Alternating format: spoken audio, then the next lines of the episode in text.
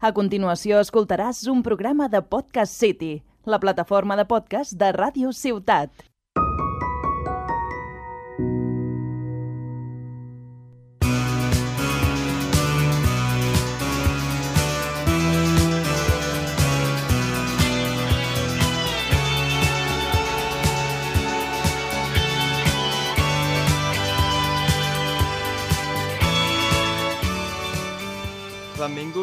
Episodi del podcast Parlem del Nàstic. Avui parlarem del partit contra el Club Deportiu Alcoyano i la classificació per playoff i farem la prèvia del pròxim partit davant el Racing de Ferrol i parlarem del playoff que tanta problemàtica està portant aquesta última setmana.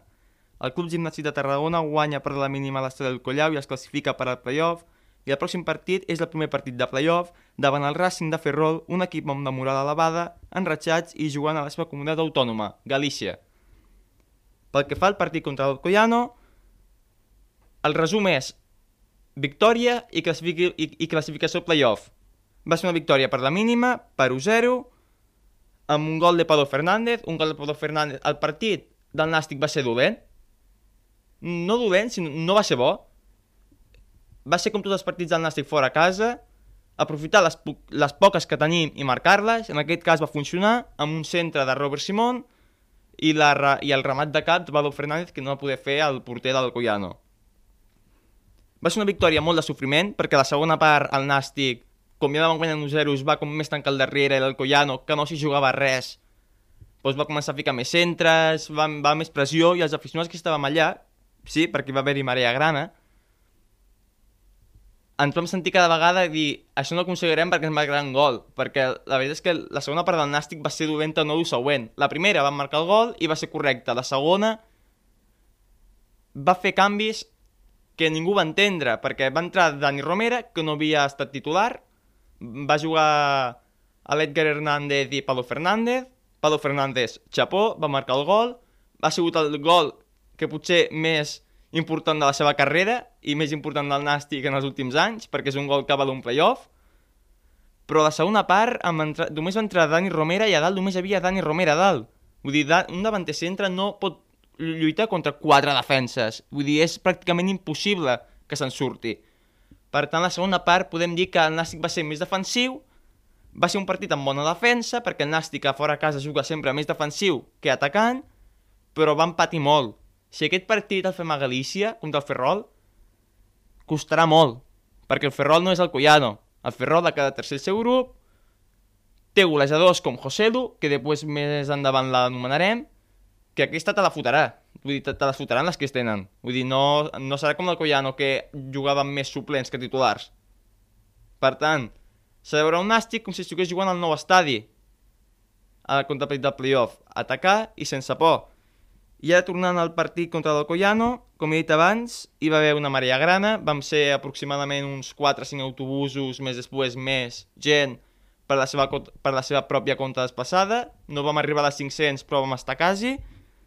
Un altre cop l'afició respon de manera clara amb aquest equip, i el partit, com he dit abans, vull dir, és que no té més a explicar.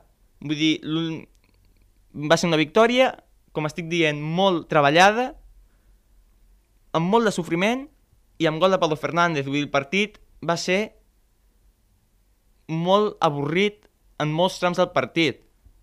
I a més, aguantant el sol que feia allí a l'estadi del Collau i la calor que feia, doncs encara es va fer com més pesat i més avorrit veure el partit. Però ens quedem amb això, que ens, en, aquest partit, ens, el gol de Pablo Fernández i el partit ens va, ens va fer classificar el, amb el, ens, va, ens va fer classificar el playoff de Galícia.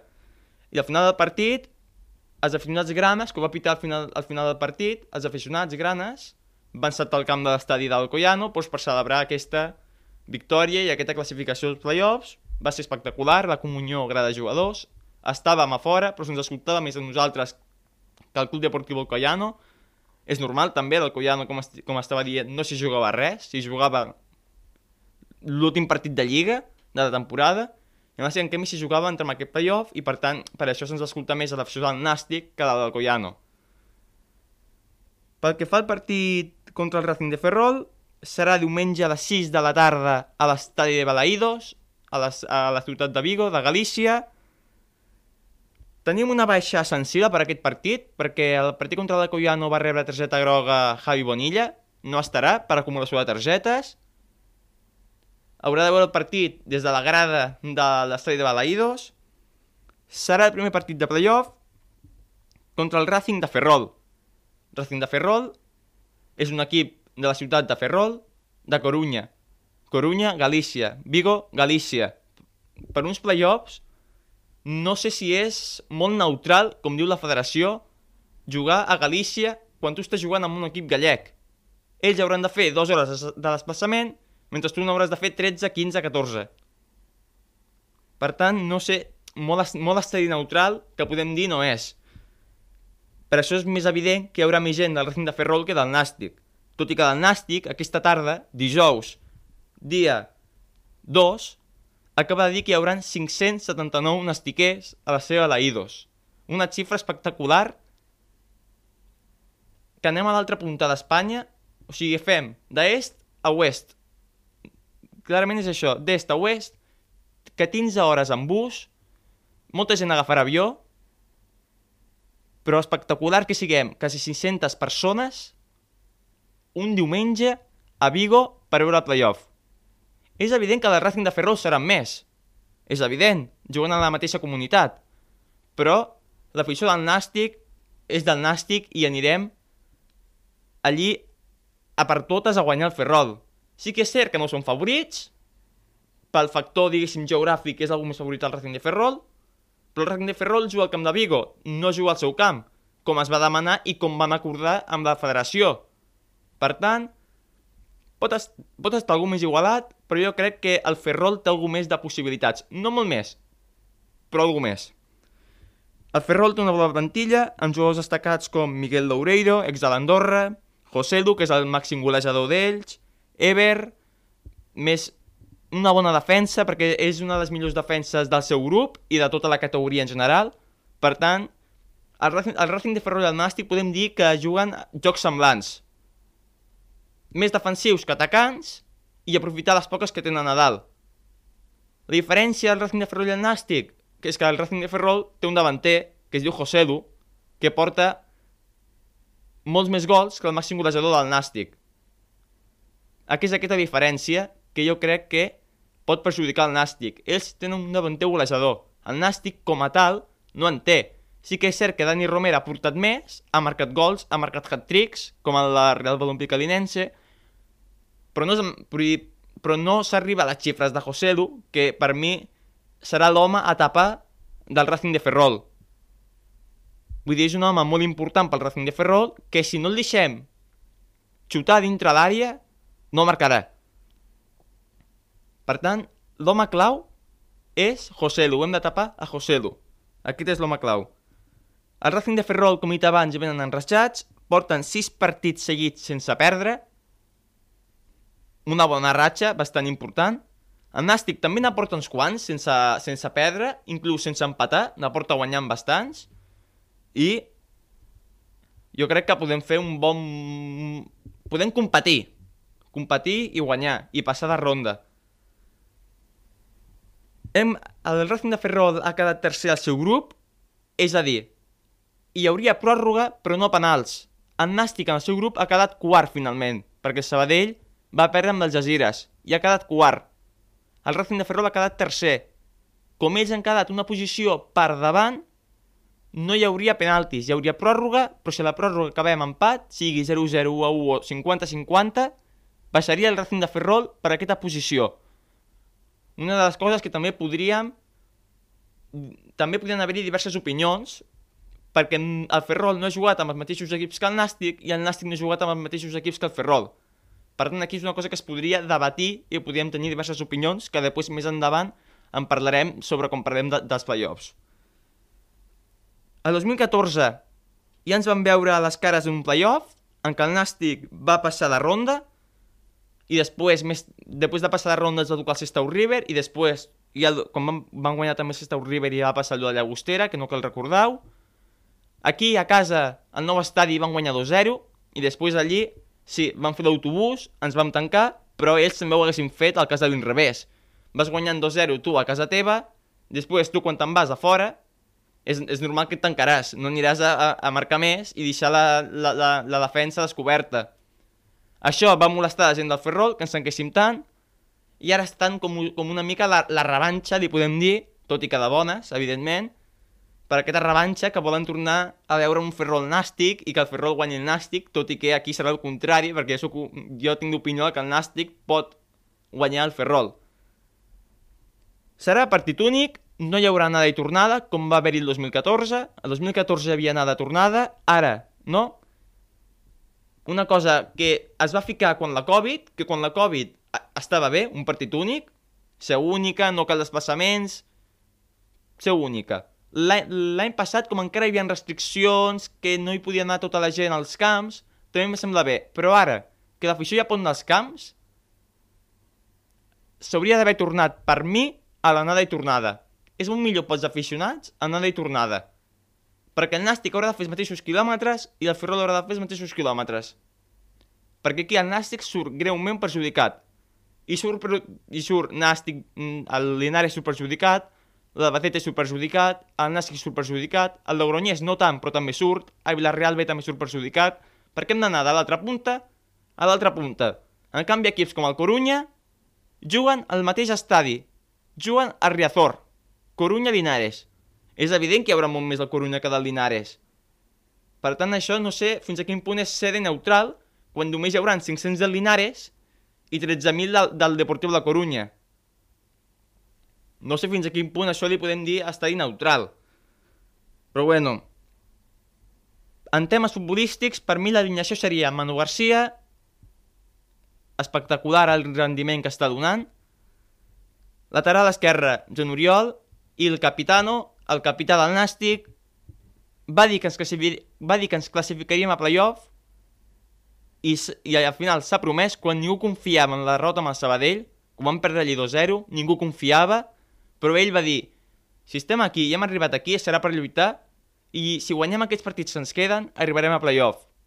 Dit i fet. Per tant, Joan Oriol, titular indiscutible, defenses centrals, Quintanilla, Trilles crec que ja estarà, per tant li poso Trilles. Aitamir Tiles va fer un molt bon partit, va ser correcte contra el Collano, però poso a Marc Trilles, poso el de, el de Vilafamés, que està fent una temporada espectacular. Lateral dret, Pol Domingo, indiscutible. A mig del camp, poso Ribelles, crec que és un bon, bo, és un bon migcampista defensiu, tot i que a vegades fa moltes faltes que no hauria de fer, però trobo que és molt bon migcampista defensiu. A mig del camp fico a Don Pedro del Campo, indiscutible. Després, el nostre Bonilla, aquí tindríem el dubte Robert Simon al fico també, perquè és també, jo crec, un indiscutible, i per Raúl Agné encara ho és més indiscutible. A dalt, a la davantera, podria ficar a Dani Romero al fico, per mi és el millor davanter que tenim, i després estaria dubtant entre Pablo Fernández, perquè jo crec que es mereix, va marcar el gol, no està fent una temporada espectacular, però estem allí també gràcies a ell.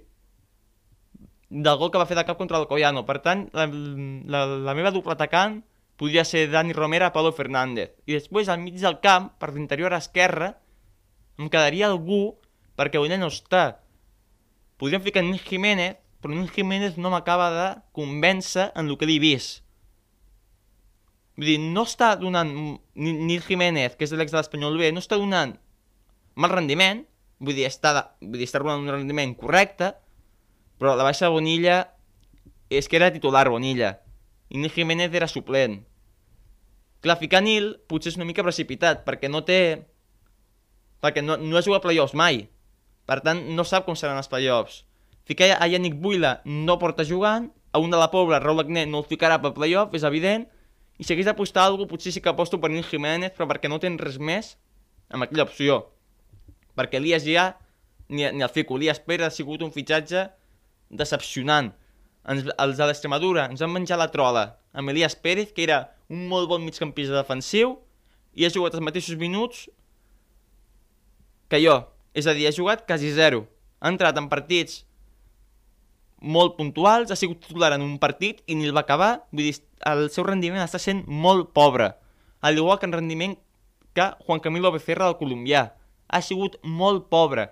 Sí que és cert que l'última setmana va estar amb Covid, per tant no va poder vindre al Collau, i Elias Pérez no va poder viatjar al camp de l'Albacete, Carlos Belmonte, per problemes també de Covid. És estrany que els dos jugadors que menys juguen i que més qüestions estan tinguin Covid, vull dir, això també ja es tindrà mala sort. Però jo ho sento molt, però Elias Pérez se li hauria de buscar una sortida aquest mateix estiu, al igual que Juan, bueno, Juan Camilo Becerra acaba sessió. Per tant, Juan, Juan Camilo Becerra ja, jo, jo, jo no el compraria. I Elias Pérez intentaria buscar alguna perquè és un jugador que pot ser bo, però aquí no ho està demostrant. Per tant, jo crec que Elias Pérez li hauria de buscar una sortida aquest estiu. Hi haurà Maria Grana, com he dit abans, 579 persones. Em semblen moltes persones, com he abans, per ser un diumenge a Vigo. Espectacular l'afició del Nàstic, un dia més, un any més. Espectacular. I allí estarem.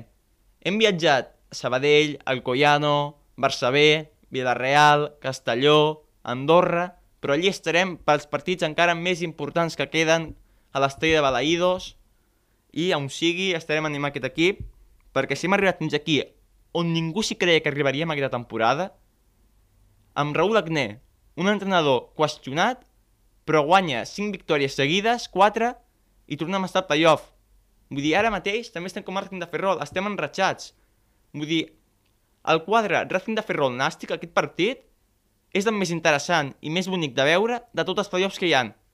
De tots els partits que hi han, és el millor de veure. En cas de que el Nàstic passi, toquem fusta que passi, s'hauria d'enfrontar amb Villarreal B o Logroñés. El Logroñés ha quedat cinquè seu grup. Per tant, si Nàstic passa i Logroñés passa, en cas de pròrroga en empat, passaria el Nàstic. Tindrem aquí un punt d'avantatge sobre ells. En cas de que Villarreal B passi, en cas d'empat passaria Villarreal B perquè han quedat tercers. Per tant, bueno, vull dir, primer hauríem de passar aquest partit i després ja parlaríem sobre qui o no ens seria a tocar. El playoff a Galícia és un tema molt... que ha portat molt... En temes extradeportius, podem dir, ha portat molt mal, molts mal de caps, hi ha molta informació negra, més negra que el carbó, al, al, seu, al seu darrere, que encara no està acabada de completa, i els playoffs són aquest cap de setmana, i encara no, no està acabada, vull dir, encara hi ha, perdona per l'expressió, encara hi ha merder, perquè el partit, perquè el playoff, perdó, es va acordar per 3 anys jugar-ho a Galícia, als camps del Racing de Ferrol, que és a Malata, al camp del Depor, que és a Bancarriazor, y al camp del Celta de Vigo la primera de Abanca Balaïdos. Vale? Fins aquí a priori bé. Aquesta mesura es va fer quan el Depor estava a playoff, quan el Racing de Ferrol estava a playoff i quan el Celta B, que és el filial del Celta de Vigo, està a playoff. Finalment el Celta de Vigo B no ha entrat. Per tant, només hi ha, equip, hi ha, només hi ha dos equips gallecs, el Ferrol i el Deportivo de Corunya. I aquesta setmana, al llarg d'aquesta setmana, han sortit rumors de que la Real Federació Espanyola de Futbol, liderada per Rubiales, va acordar amb el Racing de Ferrol jugar al primer partit de semifinal al seu camp a canvi de diners. Això no sé fins a quin punt és legal condicionar els playoffs així. Perquè si és partit únic, a Galícia no ho fas. Ho fas a una comunitat on no hi ha ningú en equip de, dels que juga playoff. Perquè aquí Ferrol i Deportiu de Corunya es veuen, sobretot el Deportiu de Corunya que juga al seu camp, es veuen molt més beneficiats que els altres equips. El Ferrol, mira, encara s'haurà de, encara de moure dues hores. I anar i tornar quatre hores. Encara s'haurà de moure. Tot que ho trobo molt injust. Però el Deportiu de Corunya es mourà 0 hores. 0. 0. I això li deien per ser neutral. Això de fer-ho li diu ser neutral. Si de neutral, jugues a Extremadura. Si és de neutral, jugues a Castella i Lleó. Si és de neutral, jugues al País Basc. No jugues a Galícia, on hi ha dos equips gallecs jugant al playoff.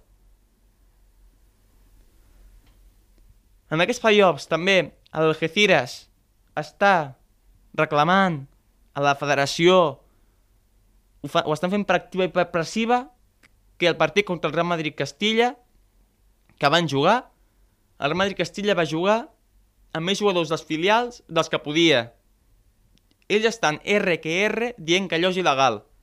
I ells estan tot el rato allí, ficant informes que el playoff s'han de retrasar i ficar d'Algeciras. Si us han dit dues vegades que no, perquè no us han dit una vegada, us ho han dit dues vegades, no fiqueu un tercer comunitat que tornareu a anar al TAT perquè són molt pesats. Si no haguéssiu classificat a playoffs, mala sort, haguéssiu guanyat altres partits. Aquí, al camp del Nàstic, haguéssiu guanyat. No estigueu tot el rato allí, per aquesta expressió, plorant perquè no heu entrat a playoff. Si no heu entrat, mala sort, un altre any serà. Però no cal ser tan pesats un altre cop en enviar tres informes a la, a la, a la federació que no han d'entrar, que això és il·legal, que aquests playoffs són, són il·legals. Mala sort, un altre any serà arribar als playoffs. No heu de plorar tant per això. No heu de plorar. Si heu, per, si heu perdut, mala sort si va guanyar Sabadell i, i el Nàstic va guanyar. Mala sort, vull dir, aquí no podem fer-hi res nosaltres. Vull dir, si la federació us ha dit que no dos vegades, no insistiu una tercera, perquè us, us tornaré que no. Vull dir, són uns playoffs, com torno a repetir, que està venint molt de follon per darrere. El Nàstic mm, no està involucrat directament, però sí indirectament, doncs perquè això pot afectar. Perquè és evident que estarà més del Ferrol que del Nàstic, com estic dient. Un es mouen dues hores, mentre que els altres es mouen 15. Vull dir, això no sé fins a quin punt és molt legal feu en un playoff on, tu, on els dos s'hi juguen. Per tant, bueno, si, si finalment pugem a segona o guanyem el Ferrol, això quedarà segones, aquest playoff, perquè ja ningú se n'en recordarà del Nàstic. Però si perdem, aquest playoff s'ha recordat com a playoff de la vergonya. Perquè no pot ser com es torno a repetir, que hi hagin dos equips gallecs per pujar a playoff, per pujar segona, i es jugui Galícia. És una vergonya, això. I després encara estan alguns mitjans de Galícia, sobretot de Ferrol i de, sobretot de Ferrol i de, i de la província de Corunya, que és on està Ferrol, plorant. Que si el partit s'havia jugat a Ferrol, a, a la seva estàdia malata, que no és just, el Nàstic ha demanat més entrades de les que devia... Però si nosaltres hem de fer 13 hores i vosaltres heu de fer dues, de què es queixeu? De què es queixeu? Vull dir, jo no em queixaria, jo estaria alegrat per jugar dues hores, un playoff. Només has de perdre una tarda, un dia. Els, els aficionats del Nàstic que vagin allà en bus, com sóc jo, hem de perdre tres dies per anar-hi. I, i, i a quedar-se a hotel. Hem de perdre tres dies. Inclús ens surt més car. De què es queixeu? De què es queixeu si no hi ha manera de queixar-se? Si us surt, uh, us surt beneficiat. Vull dir, no hi ha ningú... Vull dir, encara es queixeu. Si només es moveu dues hores. Vull dir, això és una cosa que no s'entén. Vull dir, és una cosa que no, no s'entra al cap. I pel que fa al Nàstic, ha fet una promoció per, a, per anar als playoffs bastant interessant perquè paga el 65% del viatge a l'entrada una cosa que està molt bé perquè passes de 85 euros que et costava a 30, és a dir, te redueixen més de la meitat, més del 50%, cosa que s'agraeix molt, i després la nit d'hotel, que també està molt bé. D'abusos, em consta que hi ha un, d'unes 60 places, i els altres aniran amb un cotxe propi o amb avió. La majoria en avió perquè és més ràpid amb avió. Passa que també és més car amb avió. Per tant, la promoció del Nàstic, de passar de 85 euros que va dir inicialment a pagar-te el 65%, que és 30, està molt bé. Japó pel Nàstic per aquesta, per aquesta iniciativa que ha fet. Ara només falta anar a Galícia, anar a guanyar. No hi ha més. Els aficionats del Nàstic que no puguin anar a l'aflaçament a Vigo per motius econòmics, que no vulguin o que no poden, estan intentant que el Nasi de Tarragona fiqui pantalles a la Passa de la Font, a on sigui, això ja dona igual, on sigui, fiquin pantalles per poder veure el partit, com ja han fet en partits, com amb el Llagostera, com amb el Huesca, fiquin pantalles. El Nàstic no ha dit res. Els altres equips que juguen playoff, com són Gronyers, sí ho fan. El Linares també ho farà a Linares. a Logroñés, a Logroño. Estan demanant que el Nàstic faci aquest esforç amb l'Ajuntament de Tarragona arribar a un acord per fer una pantalla. Segons a mi me consta, el Nàstic està en treballs de ficar la pantalla, però és una cosa que està parlant l'Ajuntament. I el meu dubte és, si el veu Ricomà, tan nastiquer i tan tarragoní perquè no fica una pantalla? Vull dir, mm, en teoria no costa tant ficar una pantalla per veure allí els partits. Vull dir, si ets tan nastiquer que dius, en teoria, eh, si ho fes al passar de font és millor, perquè els bars i els restaurants faran més calés. Segur. Per tant, no sé què costa tant ficar una pantalla. Perquè si ets tan nastiquer i tan tarragoní que dius, una pantalla no deu costar tant ficar-la. I deu haver alguna més pel mig que no ho sabem. Per tant, són uns playoffs més bruts d'informació que he vist en molts anys, amb, molta, amb molt mar de fora, però amb una gran concentració a, a, a, a, a dintre del futbol, diguéssim. I això és el que ha de fer el Nàstic, no pensar en el que hi ha fora. El Nàstic ha de pensar com si juguéssim aquí a Tarragona, no pensar en el que hi ha fora, perquè el que hi ha fora es brutícia tot. Per tant, pensar en el partit, pensar en fer aquest diumenge a les 6 i guanyar, i classificar-se a la final, i pujar a segona. Ara han fet el més difícil, ara han fet el primer pas, que era arribar a playoff, quan ningú s'ho creia. Ara hem de creure-hi i jugar com estàvem jugant, tot i que ficar-li una marxa més, perquè és evident que si no li fiquem una marxa més, el Ferrol ens menjarà. Per tant, hem de ficar una marxa més. En el, en el camp li hem de ficar una marxa més i estic segur que podrem guanyar el Ferrol. I esperem tornar al podcast de la setmana que ve amb una victòria i la prèvia amb l'últim partit de final del playoff. I gràcies per escoltar-nos un dia més aquí al podcast Parlem del Nàstic.